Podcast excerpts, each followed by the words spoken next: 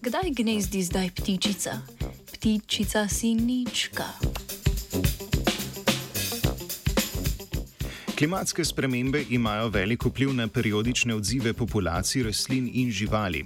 Povedano z drugimi besedami, organizmi imajo zaradi sprememb v podnebju drugačno časovno razporejenost ciklov tekom življenja.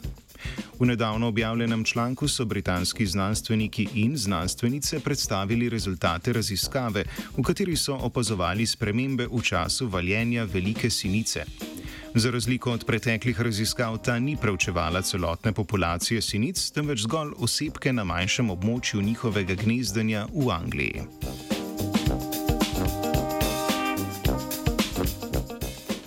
Gnezditvena fenologija sinic, torej čas, ko imajo mladiče, je odvisna predvsem od zaloge hrane, ki jo imajo.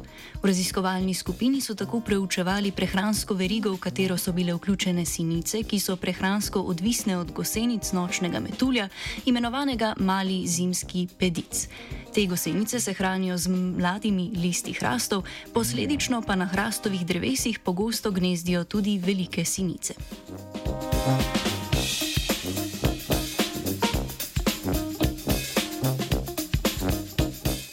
V raziskavo so bili vključeni podatki o valjenju več kot 13 tisoč velikih sinic, ki so jih pridobili v zadnjih 60 letih v predelu gozda Whitem.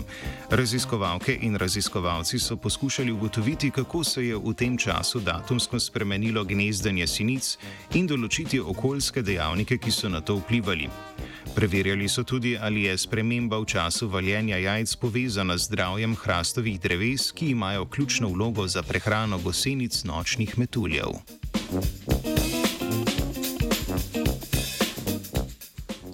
Ugotovili so, da se je v povprečju čas gnezdenja velikih sinic v zadnjih 60 letih premaknil za 14 dni v zgodnjo pomlad. Kot glavni dejavnik so identificirali dvig temperatur bolj zgodaj spomladi. Rezultati so pokazali tudi, da so sinice na zdravih hrastih gnezdile prej in dalj časa, kakor tiste na bolnih drevesih. Izkazalo se je, da sinice, ki gnezdijo na območjih s hrasti slabšega zdravja, težje sledijo spremembam, ki jih prinaša zgodnejša pomlad.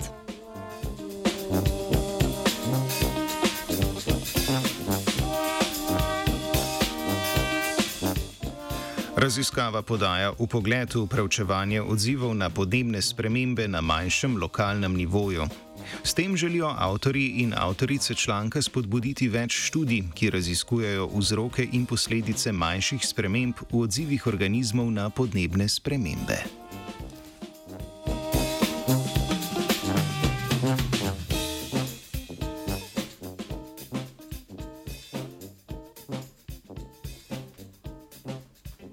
Da se jutranji program Radia Student kljub podnebnim spremembam vsako leto začne z istim datumom, pa je ugotovil Sebastian.